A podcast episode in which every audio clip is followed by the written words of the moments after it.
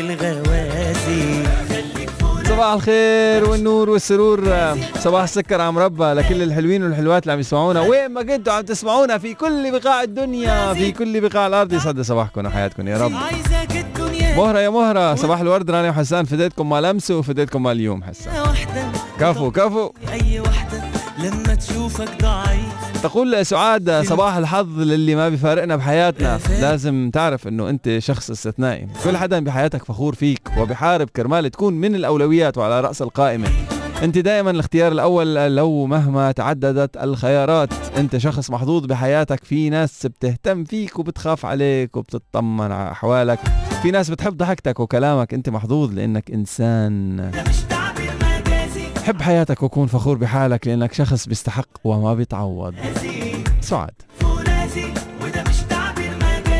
عايزك دندون تقول صباح الخير بدنا حماس كبير مش دلع.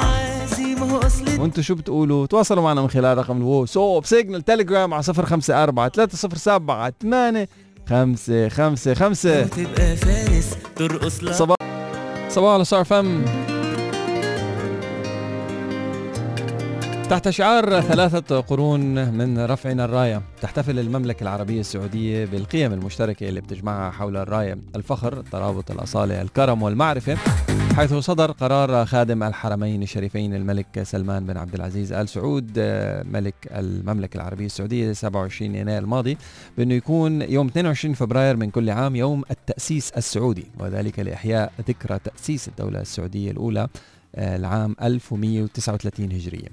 الأمر الملكي أشار إلى بداية تأسيس الإمام محمد بن سعود قبل ثلاثة قرون في منتصف عام 1139 هجري 1727 ميلادي للدولة السعودية الأولى اللي استمرت إلى عام 1233 هجري يعني 1818 ميلادي وعاصمتها الدرعية ودستورها القرآن الكريم وسنة الرسول صلى الله عليه وسلم. وعن يوم التأسيس ومعانيه الوطنية السامية تحدث إلينا الكاتب والباحث التاريخي المستشار الدكتور محمد الشويعر كما يحدثنا كمان الكاتب والقاص جمعان الكرت عن حكمة الدعوة. آه، بينما تتحدث الكاتبة والإعلامية آه، تغريد العلكمي عن أثر هذا التكريم على الأجيال الحالية والمقبلة. نرى لكم من صفحات الاتحاد لليوم بعنوان يوم التأسيس ثقافة الانتماء للسعودية. بداية رح نحكي بس شوي عن آه، ما قاله الكاتب والباحث التاريخي المستشار الدكتور محمد شويع. آه، قال أنه التاريخ آه، محفز للعقل والذاكرة ومن خلاله تتعرف الأجيال على الماضي.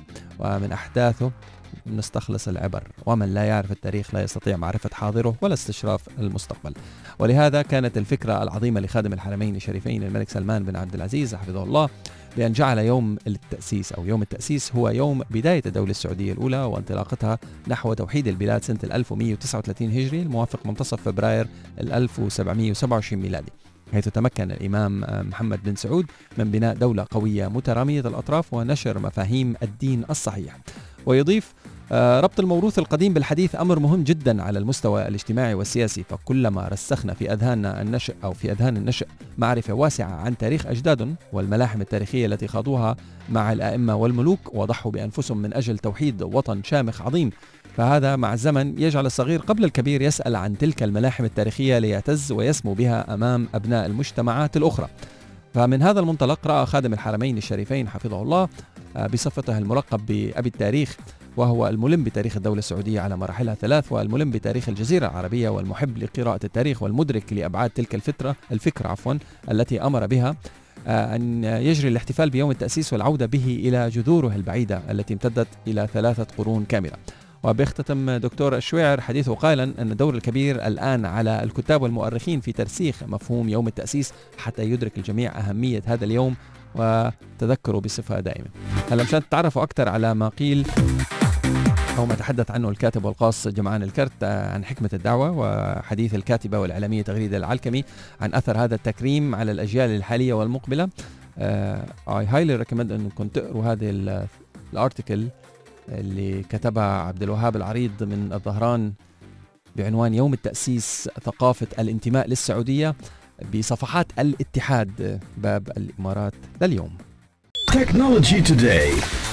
الجديد في عالم ال technology لليوم واتساب سيتعامل أخيرا مع الصور المرسلة كمستند بشكل أفضل مش تبعت صورة لا تبعت صورة as an attachment مشان ما يعمل compression ويخرب لك الصورة. finally OnePlus تستعد لإطلاق سماعات ال Bullets Z 2 اللاسلكية في مارس المقبل. Honor تكشف عن إصدارها الخاص من ساعة ال Honor Watch GS 3 إعلان تشويقي يؤكد مؤتمر أو موعد مؤتمر ال POCO في فعاليات ال MWC 2022 وأخيرا الهاتف اللي أنا كثير بحبه ال OnePlus 10 Pro متاح الآن بإصدار جديد يسمى White Extreme Technology Today.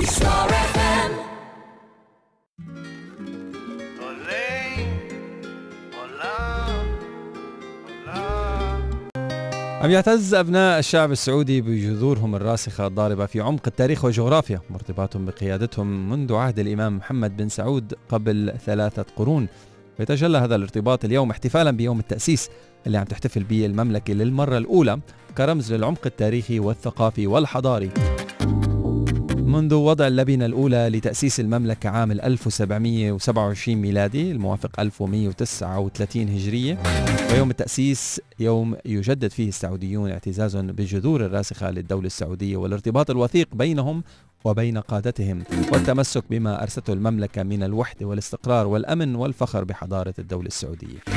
ويقول خبراء وأساتذة التاريخ إنه الاحتفاء بيوم التأسيس في المملكة العربية السعودية هو احتفاء بدولة ضاربة بجذورها في عمق التاريخ والجغرافيا، لافتين إلى أنها كانت هي الأساس الذي آه، تشكلت من خلاله وحدة أبناء الجزيرة العربية في تاريخها الحديث بعد أن عانت لعقود الشقاق والنزاعات، وأضاف الخبراء لصحيفة الاتحاد اللي عم نقرأ آه هذه الكلمات من خلال صفحاتها الإلكترونية من خلال website الاتحاد dot ae إن إعلان المملكة العربية السعودية بالاحتفال بذكرى يوم التأسيس لا ينفصل عن هذا النهج الثابت في تعزيز الوحدة ونبذ الفرقة.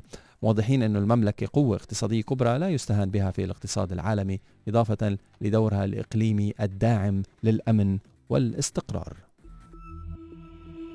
الحب حرمته الباب سكرته.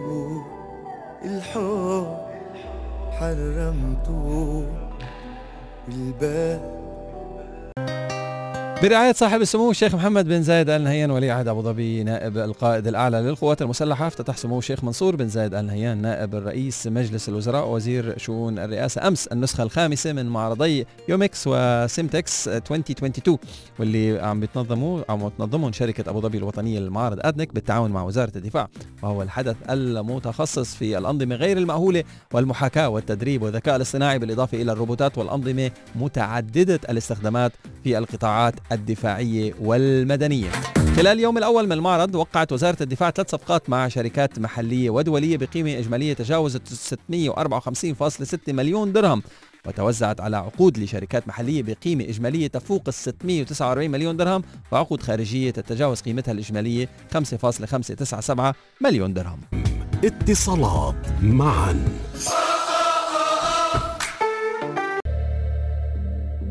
فوجئ العديد من سكان مناطق في إمارة دبي برجال عم بيطير. بينطلق من موقع متحف المستقبل وبحلق في سماء المدينة ليوزع تذاكر مجانية على سكان وزوار دبي وطلبة المدارس. مقدمة من المتحف متحف المستقبل لتحفيز مخيلة مختلف فئات المجتمع من كبار وأطفال وتمكينهم من رسم تطورات مستقبل مجتمعات الغد الذكية ولتحفيز مخيلة الأجيال الناشئة للمشاركة في تصميم المستقبل وصناعته. هالرجال بريطاني اسمه ريتشارد براونينج المعروف بلقب الرجل الطائر هو اللي صمم البدلة الطائرة ومؤسس شركة جرافيتي للصناعات في سماء دبي.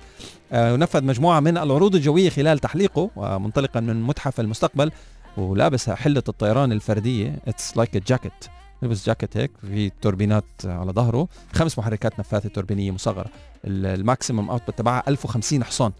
120 ألف دورة في الدقيقة. المحطة الأولى للرجال الطائر كانت آه، برج بارك أحد آه، أجمل المرافق الترفيهية في Downtown دبي والتقى بعدد من زوار الموقع المميز ووزع عليهم تذاكر دخول المتحف. by the اليوم ال opening 22 0 2 20 22 beautiful date. بنقول لك الهضره على beautiful venue. تونا مبلشين ليش تقول دبي التميز. صباحو. you happy لأن برجك الجدي وانعصبت أيوه يبا لا تقولي لي نظمت بلدية مدينة أبو ظبي التابعة لدائرة البلديات والنقل من خلال مركز بلدية المصفح وبالتعاون مع مستشفى ال إتش. ورشة توعوية افتراضية عن بعد. استهدفت كافة أفراد المجتمع تحت عنوان نمشي لصحة أفضل ضمن مبادرة رياضة بلا حدود بهدف تحفيز أفراد المجتمع على ممارسة الرياضة. ودعت بلدية مدينة أبو ظبي جميع أفراد المجتمع إلى استغلال المرافق الرياضية الكثيرة والمنتشرة في كل مكان لممارسة الرياضات المختلفة ومن ضمنها رياضة المشي. طول ما أنت مش تمثال عافري قلبك مش تحت رعاية صاحب السمو الشيخ محمد بن راشد آل مكتوم نائب رئيس الدولة رئيس مجلس وزراء حاكم دبي رعاه الله. أعلنت مؤسسة محمد بن راشد آل مكتوم للمعرفة موعد انطلاق فعاليات قمة المعرفة بدورتها السابعة بمقر اكسبو 2020 دبي يومي 14 و15 مارس المقبل تحت شعار المعرفة حماية البشرية وتحدي الجوائح. بمشاركة مجموعة واسعة من الخبراء والقادة والمسؤولين الحكوميين من أنحاء العالم كافة. يا